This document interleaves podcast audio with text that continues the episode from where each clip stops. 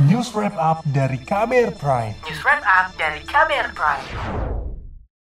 Harga daging ayam ras di sejumlah daerah melonjak hingga mencapai Rp50.000 per kilogram. Padahal harga normal di kisaran Rp30.000. Lonjakan harga daging ayam sudah terjadi sebelum Idul Adha. Tingginya harga daging ayam ras memberi andil terbesar terhadap inflasi kenaikan harga bulan lalu. Apa yang harus dilakukan pemerintah untuk menstabilkan harga? Simak laporan khas KBR yang disusun Astri Yuwana Sari. Harga daging ayam yang terkerek naik selama beberapa pekan terakhir menjadi biang kerok naiknya inflasi pada bulan Juni 2023. Badan Pusat Statistik BPS awal pekan mencatat inflasi pada Juni naik 0,14 persen Tingkat inflasi ini lebih tinggi dari bulan sebelumnya yang hanya 0,09 persen. Deputi Bidang Statistik Distribusi dan Jasa BPS, Puji Ismartini menyebut, tiga komoditas penyumbang inflasi terbesar antara lain daging ayam ras dengan andil 0,06 persen, tarif angkutan udara sebesar 0,04 persen, serta telur ayam ras 0,02 persen. Puji mengatakan hingga pekan terakhir Juni, kenaikan harga daging ayam terjadi di hampir 200 kabupaten kota se-Indonesia. Bahwa kenaikan harga beberapa komoditas ini terjadi di beberapa kabupaten kota di minggu keempat, seperti yang terbanyak ini adalah daging ayam ras, terjadi kenaikan harga di 196 kabupaten kota. Daging ayam ras ini mengalami kenaikan harga di sebagian besar wilayah, baik di Sumatera, Jawa, Kalimantan, dan Sulawesi. Dari 90 kota yang disurvei BPS, sebanyak 78 kota mengalami inflasi. Dari jumlah itu, sebanyak 48 kota mengalami inflasi lebih tinggi dari rata-rata nasional. Sebelumnya, Presiden Joko Widodo sudah mewanti-wanti soal kenaikan harga daging ayam ini.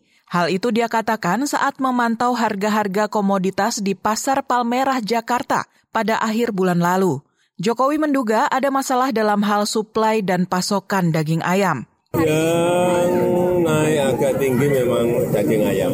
Biasanya di harga 30, 32 ini sudah mencapai 50. Kan saya cek, mungkin ada problem di suplainya. Karena jelang Pasokannya. Karena jelang Idul Adha.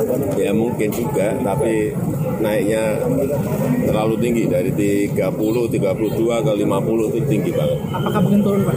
Hmm? Apakah mungkin turun lagi? Ya biasa harga kalau ayam, telur biasanya kan naik ya, turun lagi. Akan saya cek di lapangan nanti. Di lain pihak, Badan Pangan Nasional atau Bapanas punya analisis berbeda. Deputi Bidang Kerawanan Pangan dan Gizi di Bapanas, Nyoto Suwiknyo mengatakan, salah satu penyebab naiknya harga daging ayam adalah karena melonjaknya permintaan dari masyarakat setelah pulihnya kegiatan dan ekonomi masyarakat pasca pandemi dan harga daging ayam tertinggi sebesar Rp51.400 di Provinsi Kalimantan Utara karena terjadi kenaikan harga pokok produksi dan peningkatan permintaan selama HBKN. Badan Pangan Nasional telah melakukan langkah untuk menjaga ketersediaan dan stabilitas pangan. Salah satunya adalah melakukan gerakan pangan murah daging ayam ras pada tanggal 30 Juni sampai dengan 2 Juli 2023 di 18 rumah susun dan 15 kelurahan dan 20 pasar di area Jabodetabek Sementara itu, kalangan peternak menganggap harga pakan ayam yang tinggi menjadi salah satu penyebab naiknya harga daging ayam. Sekretaris Gabungan Organisasi Peternak Ayam Nasional atau GOPAN, Sugeng Wahyudi, meminta pemerintah mencari cara untuk menurunkan harga pakan ayam. Cara untuk bisa menurunkan biaya pokok produksi adalah dengan cara menurunkan harga pakan. Nah, harga pakan turun jika jagung juga turun. Karena 40 persen kira-kira dipenuhi dari jagung makan ayam itu. Sehingga itu alasan dari pabrik pakan untuk menaikkan harga. Kalau pakannya naik maka biaya pokoknya naik. Kemudian ayam hidupnya atau final stock atau ayam broilernya juga naik Kalangan ekonom menilai lonjakan harga daging ayam merupakan fenomena yang selalu berulang setiap tahun. Ekonom Indef Eko Listianto menyarankan pemerintah memperkuat koordinasi demi menjaga kelancaran suplai daging ayam. Selain itu, pemerintah juga harus menurunkan harga pakan ayam sambil menyediakan komoditas alternatif pengganti daging ayam, misalnya daging sapi.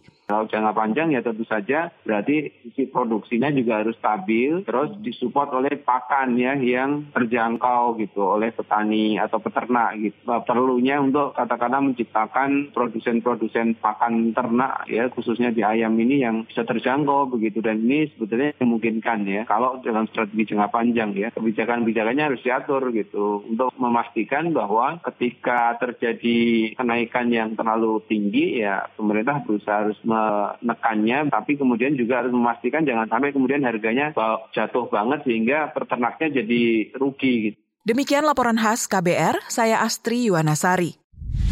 Kamu baru saja mendengarkan news wrap up dari KBR Prime. Dengarkan terus kbrprime.id, podcast for curious minds.